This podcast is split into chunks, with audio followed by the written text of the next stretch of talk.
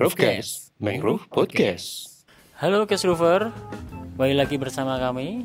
Ada saya Rohmat, Ganis, Saya Ganis. dan Bagus. Bagus. Oke, kali ini edisi spesial karena kita kedatangan tamu yaitu Aris Bapak Aris Priyono, Bapak Mangrover Indonesia. Bapak Mangrove Indonesia. Betul. Eh gitu kan ya, Mas Aris ya? Iya, Ya. Iya. enggak sih. ya sebenarnya ya terserah. Enggak, enggak juga. iya juga sih. Mas Aris ini adalah alumni kelautan tahun 998 98. dan merupakan pendiri dari. Kesemat. Foundernya Kesemat. Selamat datang Mas Aris. Halo, selamat datang. Selamat Mas Aris datang sehat? juga Server. Alhamdulillah sehat. Sehat. Terima kasih sudah diundang di Kasru eh kok di Kasruver apa? Roofcast. Iya, Mangrove Podcast. Ya, untuk menyapa para pendengarnya adalah Kasruver Cast ya. Ya. Iya, Ya, jadi di- pada eh, episode kali ini memang tim Roofcast eh, akan membahas eh, mengenai suatu hal yang punya kalau menurutku sih ya punya nilai yang positif untuk dibagikan ke case Roofer gitu. Kaitannya sama pengabdian sebuah organisasi hingga pada akhirnya dia diakui di kancah nasional maupun internasional gitu. Tapi pertanyaannya adalah yang menjadi berbeda ya dengan yang lain organisasi ini adalah organisasi mahasiswa meskipun berawal dari mahasiswa tapi perkembangannya sangat luar biasa sekali nih Mas Aris dalam mendampingi dan membangun jaringan baik di internal maupun di eksternalnya Mas Aris mungkin bisa cerita dikit lini masa Mas Aris di Kesemat uh, sehingga sekarang Kesemat bisa seperti ini. Bagi uh, yang belum tahu Kesemat itu apa, monggo silakan dicek di website. Di sana tertera apa itu Kesemat, profil dan sebagainya. Terus kalau ditanya lini masa saya di Kesemat, ya kebetulan saya dulu angkatan pertama di Kesemat. Kalau orang-orang bilang semacam foundernya lah bersama teman-teman dulu. Jadi angkatan pertamanya saya dan sekarang sudah sampai di angkatan ke 19 ya. Oh, ya 19. 19 Ya, 19 ya. 19. 19 tahun berarti. Dan alhamdulillah juga di angkatan pertama sampai dengan angkatan 19 ini eh, saya selalu ada sih di tiap angkatan. selalu ada Mungkin bagi beberapa pengertiannya selalu ada tuh gimana Mas? kalau ada itu maksudnya ya tetap ada di manajemennya bukan di manajemennya tapi lebih kepada mendampingi saja mungkin ya. Jadi Mhm. eh, apa namanya ya? Walaupun sudah keluar dari manajemennya tapi tetap ya istilahnya tetap ngurusin saja gitu. Seperti itu. Itu cukup gak lini masanya kalau seperti Iya itu? cukup sih. Nggak cukup ya? Uh, mungkin sedikit capaian mas. Karena selama ini uh, banyak teman-teman yang kagum gitu loh. Sekelas uh, organisasi mahasiswa yang bisa terjun ke kancah internasional seperti itu. Nah bisa disebutkan satu persatu? Kalau satu persatu ya sebaiknya di googling saja ya. oh ya mungkin yang yang paling mas Aris. Kalau bagi saya sih sebenarnya lebih eh, melihatnya tuh dari sisi yang namanya prestasi itu sebenarnya kan bonus ya. Jadi nggak nggak bisa dibandingkan mana yang kecil dan mana yang besar gitu, mana yang tertinggi, mana yang ini dan sebagainya gitu. Jadi itu hanya bonus aja gitu. Sebenarnya Kesmat itu lebih di ini sih apa dikenal karena eh, mendapat itu loh, mendapat achievement berupa organisasi terbaik di ASEAN itu yang pertama padahal itu kan organisasi mahasiswa dan itu untuk mencapai terbaik di ASEAN itu dia harus apa namanya melalui beberapa tahap di Indonesia. Dan itu ada banyak juga organisasi yang bersaing seperti itu. Sekali lagi bukan dari sisi nilai persaingannya sebenarnya tapi lebih kepada kenapa eh, di sisi di di dunia internasional itu bisa ya istilahnya ngasih penghargaan itu ke Kesemat. kesemat itu. Berarti kan itu eh, apa namanya eh, ada beberapa nilai yang mungkin nggak apa ya namanya istilahnya nggak nggak dimiliki yang lain tapi dimiliki sama kesemat itu. Seperti itu gitu kan. Terus dan kemudian yang lain-lain ya dari tingkat eh, kampusnya juga sudah dapat terus dari kota dari provinsi kemudian dari uh, nasional kemudian yang tertinggi lah istilahnya itu ya di ASEAN itu. Dan menariknya itu dari setiap prestasinya itu dia selalu juara satu juara satu juara satu gitu nah saya tuh takutnya kalau contohnya kita ngomongnya juara satu juara satu juara satu itu kesannya kan eh, kita hanya melihat dari sisi eh, apa Juaranya. juaranya padahal di sini kita sebenarnya pengen bicara masalah kok bisa seperti itu ya gitu. Nah, pada saat kita uh, ingin apa namanya uh, melihat dari sisi itunya kan berarti kita harusnya melihat dari sisi orang yang ngasih penghargaan itu ke kesemat kan. Nah, nah sebenarnya itu yang sebenarnya lebih menarik tuh di situ sih kalau dari saya pribadi gitu. Apa sih nilai-nilai yang dimiliki sama kesemat ini sehingga mendapatkan banyak penghargaan? Kalau dari saya sih eh, menilainya mendapatkan banyak apresiasi gitu aja sih. Mendapatkan apresiasi dari orang lain. Dan kalau bagi saya sebenarnya lebih kepada itu ya karena di sisi kesematnya itu punya ini ya banyak manfaat saja gitu banyak manfaat. Dia jadi dia tuh bisa menyebar akses manfaatnya ke orang lain itu. Makin banyak akses manfaat yang disebar berarti kan eh, yaitu dampaknya lebih kepada prestasi-prestasi itu gitu di sini saya sebenarnya lebih suka kalau oh ternyata selama perjalanan 19 tahun ini sampai ke ASEAN sampai juara di tingkat nasional juara satu dan sebagainya itu lebih suka me- me- apa ya menyebutnya oh berarti manfaatnya itu banyak banget gitu kesemat itu dengan banyak afiliasinya ini gitu Oke, itu menurut aku eh, jawaban seorang founder ya. Jadi kelihatan apa namanya global banget dan aku Iya. setuju itu. Tapi kebetulan nih teman-teman yang di sini kan alumni kesemat nih. Mungkin aku juga nanya ke teman-teman nih, kayak si Ganis contoh. Eh, Anda kan juga kesemat Anda. Iya, tapi kan tak lempar dulu ke yang lain. Menurutmu kenapa kesemat bisa sampai seperti ini? Dulunya kamu di kesemat ngapain sih? Ngerasain nggak eh, effort yang tinggi terus kemudian ternyata di luar sana yang mengapresiasi banyak. banyak nilai-nilai yang memang secara langsung dikasih sama Mas Aris sih Eh, ketika pada saat itu menjabat di eh, menjadi pengurus ya di Kesemat selama 2 tahun gitu. Salah satu yang terpenting memang eh, yang kita di selalu ditekankan oleh Mas Aris itu adalah konsistensi. Nah, selain itu juga dari banyak organisasi yang juga saya ikuti, eh, yang paling menjadi poin pentingnya di Kesemat itu adalah menjaga nilai menjaga nilai itu justru malah yang aku dapat dari Kesemat itu hal-hal yang kecil, hal-hal yang simpel, hal-hal yang sederhana yang di organisasi lain itu nggak terlalu dipedulikan gitu. Contohnya ya, contohnya nih, contohnya. Mungkin teman-teman juga masih ingat kaitannya sama warna. Pucoko hitam ya Mas Aris ya. Bener nggak sih? Iya, ya benar. pucoko hitam. itu ada standarisasi Warna aja Kesema tuh punya standar untuk digunakan gitu. Selain pucoko hitam itu nggak dipakai sama Kesema dan itu menjadi nilai ketika kita mengerjakan sebuah eh, seminar misalkan atau ada workshop gitu warna-warna yang dominan adalah warna-warna yang sudah ditentukan itu tadi menjadi ciri khas dan eh, identitasnya kesemat sendiri teman-teman yang lain mungkin juga bisa nambahin sih Ya, bagus, gimana? Ada pengalaman di kesemat? Apa mas? Iya selama di kesemat. Ya kalau saya lihat itu lebih ke ini mas, Eh, kayak misalkan Sema tuh selalu melakukan inovasi terbaru kayak misalkan buat Rovcast kayak gini terus ada maksud dan afiliasinya ada Kemangkir ada eh, magazine ada Mangrove Map dan lain sebagainya itu yang mungkin dilihat dalam arti itu bahwa apa kalau konservasi itu ya juga bisa berkembang di semua lini jadi bisa dikampanyekan dengan banyak cara seperti itu dan orang-orang mengapresiasi itu dengan banyak penghargaan-penghargaan kayak gitu. Ya secara teknis sih sama yang, disampaikan Ganis kayak detail-detail kerjaan terus profesionalisme seperti itu sih hampir sama yang disampaikan. Dan continue terus kesama dari awal berdiri sampai sekarang itu ya tetap tetap menjalani ini dengan baik seperti itu sih. ya ya oke nah Iya, sekarang bisa. dari anda seperti apa ada gimana Ada, saya ada. Jadi kalau pribadi saya selama di kesemat, satu hal sederhana yang paling saya ingat sampai sekarang adalah ketika membuat eh, proposal. Nah, kebetulan waktu itu saya jadi sekretaris di sebuah acara yaitu Mangrove Cultivation. Hmm, ya. Dan kebetulan mentornya adalah Mas Aris Priyono. Di situ saya belajar, kan posisi saya masih masih mahasiswa ya, otomatis mikirnya adalah hemat, hemat, hemat.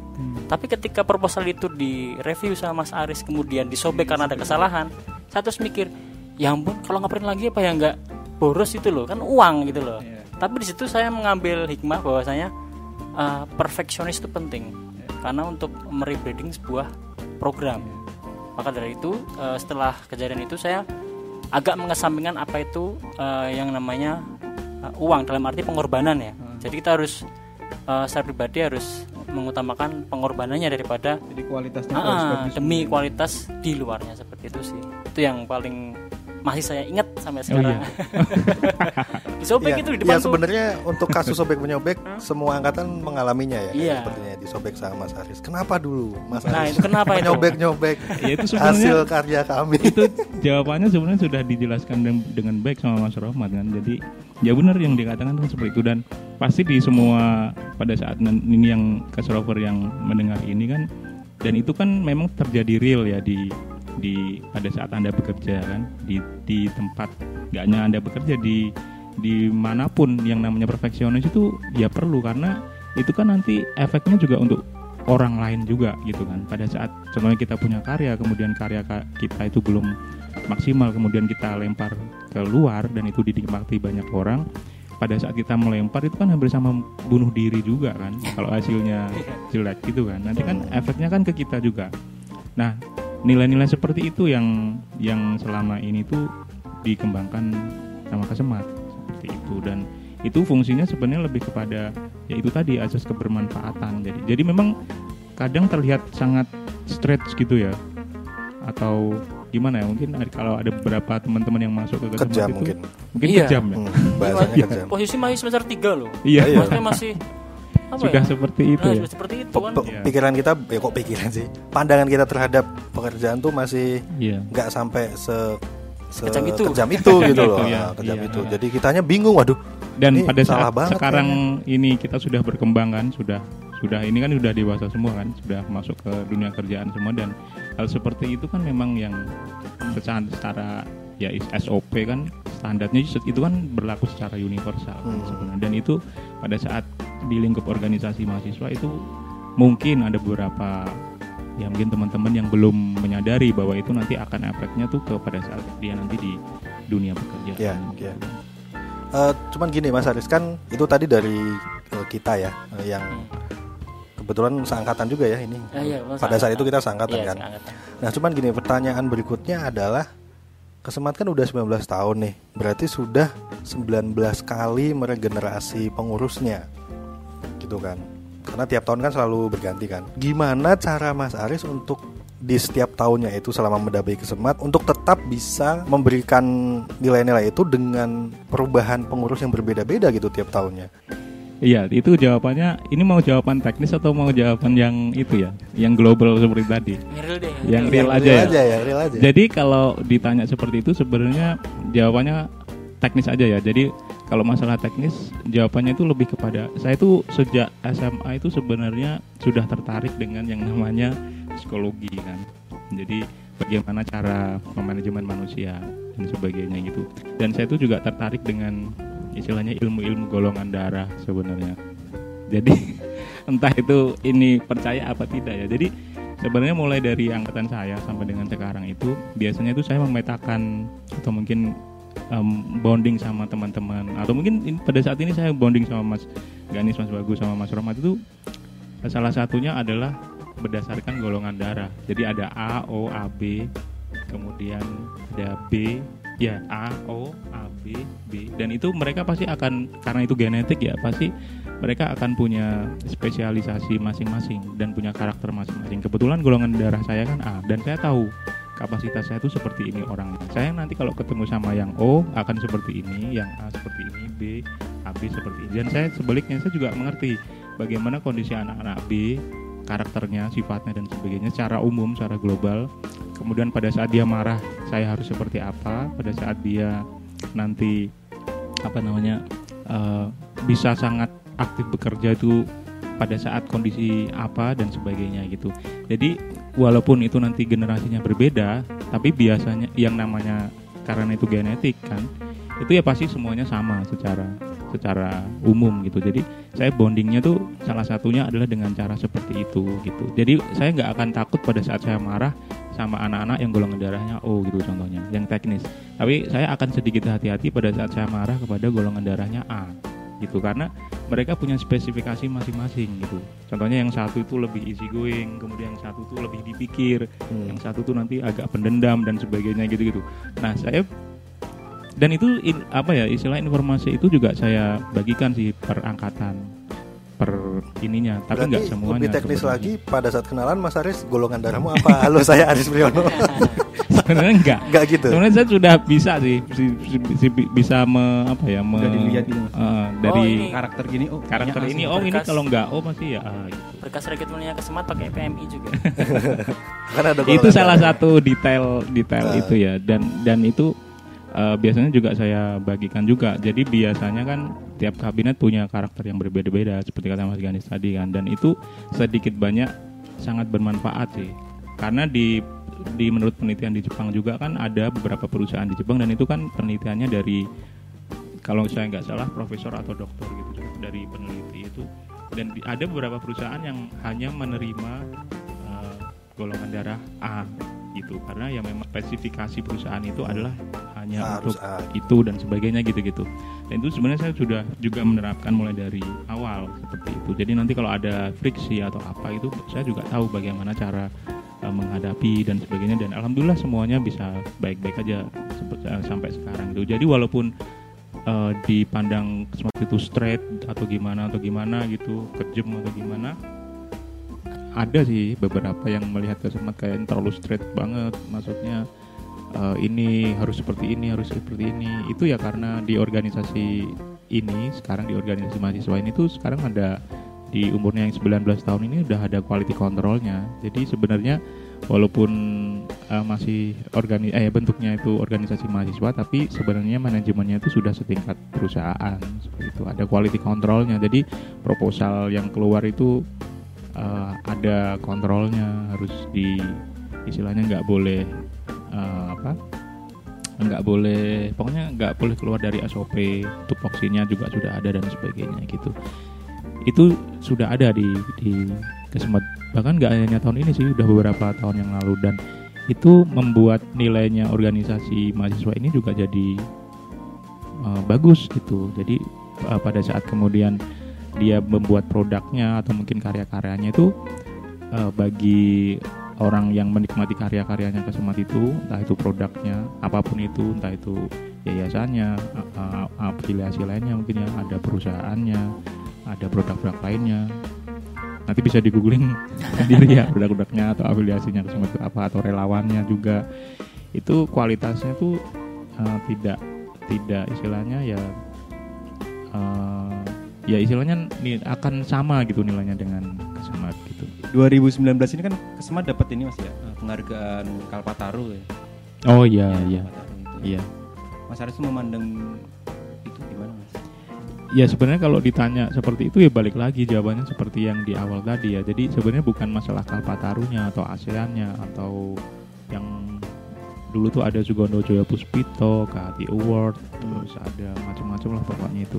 Bukan itunya. Jadi sebenarnya saya kalau saya pribadi memandangnya lebih kepada Kalpataru itu kan or- eh, award yang paling tertinggi ya di Indonesia. Nah, jadi saya berpikir oh berarti organisasi ini walaupun mahasiswa tapi manfaatnya atau nilainya itu sudah luar biasa gitu bahkan istilahnya bisa dikatakan eh, tinggi lah gitu jadi bukan organisasinya yang wah atau gimana dan sebagainya tapi lebih kepada dia itu punya manfaat yang banyak sekali gitu untuk orang lain. Dan bagi saya sih ap- kan yang kan benar ya yang namanya eh, pencapaian tertinggi itu adalah pada saat kita punya banyak manfaat pada orang lain itu kan. Jadi saya memandangnya seperti itu. Kalau secara eh, teknis lainnya sih ya pasti bangga sekali ya teman-teman. Tapi ini perlu saya luruskan dulu. Yang namanya penghargaan Kalpataru itu bukan berarti kesemat dapat Kalpataru ya. Jadi ini sebenarnya yang namanya penghargaan Kalpataru itu di bukunya di KL, KLHK itu menyebut di bukunya itu yang na- namanya penghargaan Kalpataru itu ada nominasi dan ada yang penerima.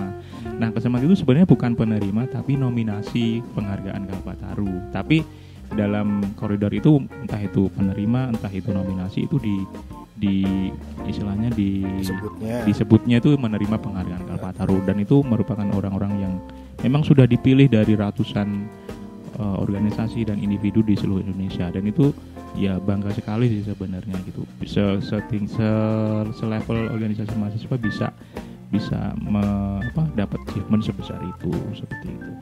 Kalau kita bicara masalah nilai-nilai organisasi ya saya sebenarnya itu banyak ketemu dengan teman-teman yang punya eh, ini sih ya apa punya passion gitu ya mengembangkan organisasi juga saya ketemu sama teman-teman dari alumni IPB, ITB, terus kemarin yang dari Sumatera itu banyaklah se- se- sepanjang perjalanan perjalanannya ke Semat ini gitu.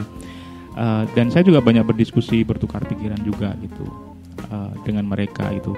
Satu hal yang uh, saya eh, yang bagi saya itu menarik tuh ini sih sebenarnya ada beberapa teman-teman yang kadang itu merasa uh, takut gitu pada saat kemudian dia itu membentuk membentuk organisasi eh membentuk afiliasi gitu. jadi dia punya organisasi mahasiswa. Kemudian dia ingin mengembangkannya entah itu jaringan alumni atau mungkin afiliasi dan sebagainya. Tapi ada beberapa yang pernah berdiskusi dengan saya itu beberapa alumni itu mereka tuh merasa kekhawatiran atau bahkan ketakutan nanti uh, pada saat kemudian dibentuk afiliasi namanya organisasi mahasiswanya itu nanti akan terpuruk Hmm. itu itu yang yang uh, pengalaman saya pada saat uh, ketemu sama teman-teman itu ya teman-teman yang ada passion untuk mengembangkan organisasi mahasiswanya gitu. Nah pada saat ada eh, pada saat mereka punya pemikiran seperti itu, kadang saya juga ya ada benarnya juga gitu. Tapi alhamdulillah itu tidak terjadi dengan kesemat itu. Pada saat kemudian kita, saya itu percaya pada saat kita awalnya kalau niatnya sudah baik pasti akan semuanya akan baik-baik saja gitu. Tapi pada saat kemudian uh, niatnya itu membuat afiliasi dengan niat yang tidak baik pasti jatuhnya juga akan tidak baik gitu. Jadi uh, balik lagi ke yang tadi, jadi sebenarnya uh, mereka itu takutnya nanti kalau contohnya ada afiliasinya, takutnya itu malah akan menyaingi gitu, menyaingi organisasi mahasiswanya. Terus saya selalu bilang bahwa afiliasi itu kan bukan organisasi mahasiswa kan. Pasti segmennya juga akan berbeda gitu. Kalau di kesemat kan ada yayasan ikamat dan segmennya pasarnya itu bukan untuk mahasiswa. Mereka sudah harus uh, pasarnya itu untuk uh, apa swasta pihak-pihak pemerintah LSM dan sebagainya. Dan itu harus diwadahi gitu. Dan alhamdulillah sudah bisa berkembang proyeknya di mana-mana sekarang ikamat kemudian membentuk perusahaan gitu. Itu segmennya kan bukan untuk mahasiswa dan memang jual beli produk-produk mangrove itu juga dibutuhkan gitu.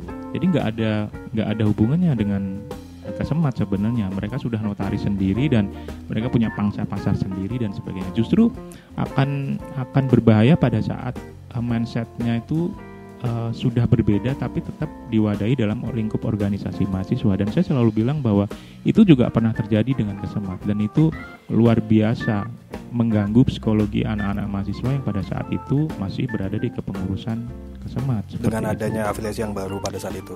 Iya, seperti itu. Nah, uh, saya selalu bilang sama teman-teman kalau contohnya pada saat Anda membuat membuat afiliasi baru itu artinya Anda itu menebar manfaat yang baru gitu. Bukan menebar saingan baru gitu. Pada saat Anda mindsetnya sudah seperti itu ya ya nanti hasilnya juga akan seperti itu gitu. Seperti yang anda anda pikirkan dari awalnya itu seperti itu.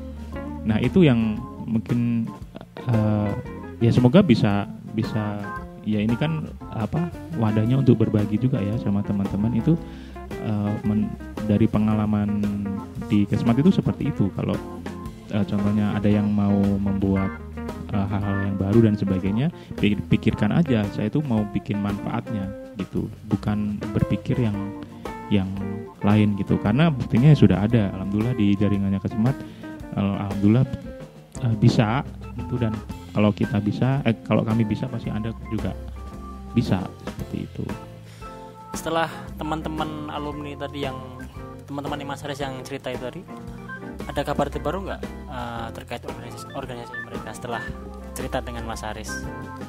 Ada beberapa berhasil dan beberapa tidak sih. Oh gitu. Itu jadi ada beberapa yang uh, kelompok-kelompok masyarakat itu dulu juga ketemu sama saya. Awalnya dia adalah kelompok masyarakat biasa bahkan dia PNS dan sebagainya gitu. Tapi pada saat kemudian saya mencoba ngobrol uh, dengan mindset seperti itu sekarang mereka udah punya ekowisata mangrove sendiri dia bisa mengembangkan kelompoknya dan sebagainya bikin banyak sekali afiliasi-afiliasi dan sebagainya persis seperti yang ada di Kesemat. Beberapa alumni dari Kesemat juga mengimplementasikan ini juga seperti itu. Di dia apa namanya? Dia keluar dari manajemennya sini afiliasi Kesemat dan afiliasinya dia membentuk eh, manajemen baru dan dengan mindset seperti itu, asas kebermanfaatan itu dan alhamdulillah ya dia sekarang bisa berhasil mengembangkan desa binaan di di luar Semarang dan sebagainya. Tetap di jalur mangrove sih seperti itu. Jadi ya tergantung kembali lagi tergantung personal masing-masing ya individu masing-masing ya. Kalau contohnya dia tetap konsisten dengan prinsip-prinsip yang dengan nilai-nilai yang baik ya pasti dia akan berhasil. Pun kalau contohnya tidak ya ya mungkin dia punya kesibukan yang lain ya ya mungkin yang kita tidak bisa memaksa juga seperti itu. Next apa kira-kira Mas? Next sebenarnya balik lagi tadi bermanfaatnya. Jadi pengennya tuh lebih lebih dibanyakin lagi saja gitu. Kalau sekarang kan uh, Kesemat sudah punya perusahaan namanya CV Kemangi, kemudian punya yayasan namanya Yayasan Ikamat, kemudian punya relawan mangrove namanya Kesemat Mangrove volunteer atau kemangkir. Ada juga afiliasi lainnya seperti Mangrove Max, Kuslar Kreatif, Mangrove Map, Mangrove Data, Mangrove Tech, apalagi tuh. Keamat. Ada Keamat, keluarga alumni Kesemat dan macam-macam lah. Pokoknya banyak sekali ya bikin kartun namanya Mat Kesem, bikin apalagi tuh Rovcast ini kan, bikin Rovcast ini, terus bikin pa, uh, patroli pemantauan ekosistem mangrove yang namanya Mangrove Tech Nah itu pengen pengen selalu membuat karya-karya yang bisa dinikmati oleh masyarakat. Nah pada saat kemudian kita membuat satu karya itu artinya kan manfaat kita tuh bertambah. Nah pengennya sih pengennya sih seperti itu menambah terus karyanya karya dan tetap selalu konsisten selalu uh, apa namanya mengkampanyekan mangrove dengan berbagai uh, di level kehidupan gitulah di di di banyak banyak komunitas banyak institusi banyak level gitu. Pengennya sih terus terus itu yang uh, harus di, harus berkembang dan harus dikerjakan di tiap tahun. Jadi sebenarnya nggak nggak ada niat untuk kita mau melebarkan sayap ke mana mana mana itu enggak sih. Sebenarnya pengennya lebih kepada kita mau bikin apa lagi yang bisa uh, bermanfaat untuk orang lain ya gitu. Jadi mikirnya ke arah situ sebenarnya. Mungkin kasih beberapa tips teknis ya kepada seluruh case server yang barangkali saat ini masih menjadi mahasiswa dan punya organisasi serupa organisasi apa pun lah nggak nggak harus lingkungan ya. Ya intinya sih sebenarnya lebih ke konsistensi dan istilahnya menyadari sebenarnya. Istilahnya eh, sadar kalau organisasi itu sebenarnya punya spesifikasi di mana gitu. Ya nggak usah terlalu memaksakan diri juga gitu. Jadi pada saat kemudian organisasi itu sudah mengenal dirinya itu ada di posisi mana dia tuh pasti akan bisa konsisten gitu. Jadi tidak membuat karya yang kemudian karyanya itu tidak sesuai dengan uh, apa kapasitasnya seperti itu. Jadi jadi kalau yang Kesemet lakukan itu sebenarnya adalah dia punya jaringan alumni gitu. Kemudian dia mengoptimalkannya di kemudian dibuatlah ke amat gitu keluarga alumni Kesemat kemudian dia punya jaringan alumni yang ingin uh, membentuk sebuah uh, yayasan yang istilahnya tuh yang memang passionnya tuh di project-project mangrove gitu. Akhirnya ya dibentuklah yayasan. Kemudian ada juga yang passion ke arah jurnalistik gitu. Akhirnya ya dibentuklah mangrove max dan sebagainya gitu. Jadi seperti itu ya. Jadi harus sadar diri dulu. Istilahnya dia itu sebenarnya organisasi ini tuh entitasnya tuh mau di mana dulu. Kalau yang kesemat ini kan benang merahnya kan mangrove tapi mangrove yang mau dikampanyekan ke banyak level gitu kan Nah pada saat kemudian kita uh, pengen mengkampanyekan ke banyak level itu, banyak level masyarakat itu kan, alhamdulillah kita punya SDM SDM yang uh, punya passion di bidang itu gitu. Ya itu kita kita istilahnya optimalkan aja, karena kan uh, yang namanya konsistensi itu kan paling penting ya dan tahu diri sih sebenarnya. Pada saat kemudian kita sudah tahu uh, konsistennya itu pasti akan terjaga seperti itu. Dan yang paling penting juga pada saat sudah konsisten jangan takut juga pada saat kemudian dia mengalami apa ya produk-produknya mungkin mungkin karya-karyanya itu mengalami kemunduran atau mengalami ya istilahnya itu kan dinamika ya. Kadang kan nggak selalu di atas kadang juga jatuh ke bawah dan sebagainya. Nah itu namanya persisten. Itu harus selalu persisten. Jadi nggak boleh kemudian pada saat sudah konsisten kemudian dia jatuh kemudian karyanya itu nggak di nggak di apa namanya? Nggak diteruskan gitu. Harus dievaluasi ini kurangnya apa. Seperti contohnya nih Kesemat kan punya apa namanya jaringan alumni namanya keamat gitu. Ini kan juga masih di masih diolah kan jaring jaringannya gimana manajemennya gimana.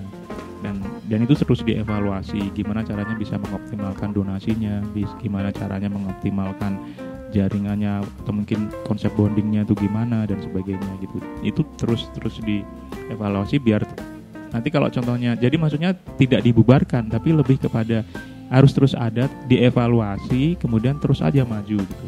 Karena kan keamat yang paling itu ya paling mudah ya dibandingkan ikamat kemangi atau mungkin kemangtir seperti itu. Dan e, menilik dari pengalamannya kemangtir kemangi ikamat dan sebagainya itu asalkan kita bisa konsisten persisten kita tahu diri apa sebenarnya maunya kita dan sebagainya itu ya pasti itu produknya akan berhasil. Jadi kalau bagi saya yang namanya berhasil itu bukan goalnya sih, lebih kepada proses. Asalkan kita menghargai prosesnya, kemudian kita seneng menikmati prosesnya itu ya pasti itu pasti akan terjaga, akan konsisten gitu. Jadi sebenarnya goalnya itu nggak ada gitu ya. Goalnya itu ya prosesnya itu gitu. Nanti akan banyak banyak tiap tiap apa namanya tiap generasi kan akan itu ya akan menikmati karya-karya kita itu pada saat kita nggak pernah stop uh, apa namanya membuat karya itu ya itu yang dikatakan berhasil itu itu. Jadi tetap berproses itu. Banyak sekali ya tips-tips dan wacana-wacana pengalaman bagaimana caranya membuat organisasi ini menjadi besar.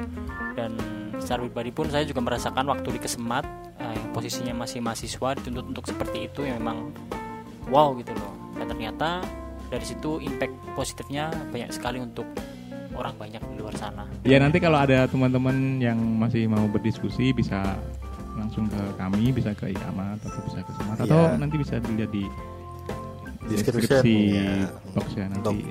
Senang juga. sekali kami bisa saling berbagi, saling menebar asas-asas manfaat. Pengennya sih kita bisa bareng-bareng berkembang bersama, bertumbuh bersama demi Indonesia. Oke mungkin sekian ya dari kami uh, Roofcast kali ini. Terima kasih atas kehadirannya Mas Aris Priyono. Semoga sukses kesematnya dan selalu diberikan uh, pemikiran inovatif untuk ke depannya. Ya, Amin. Oke, sekian dari kami.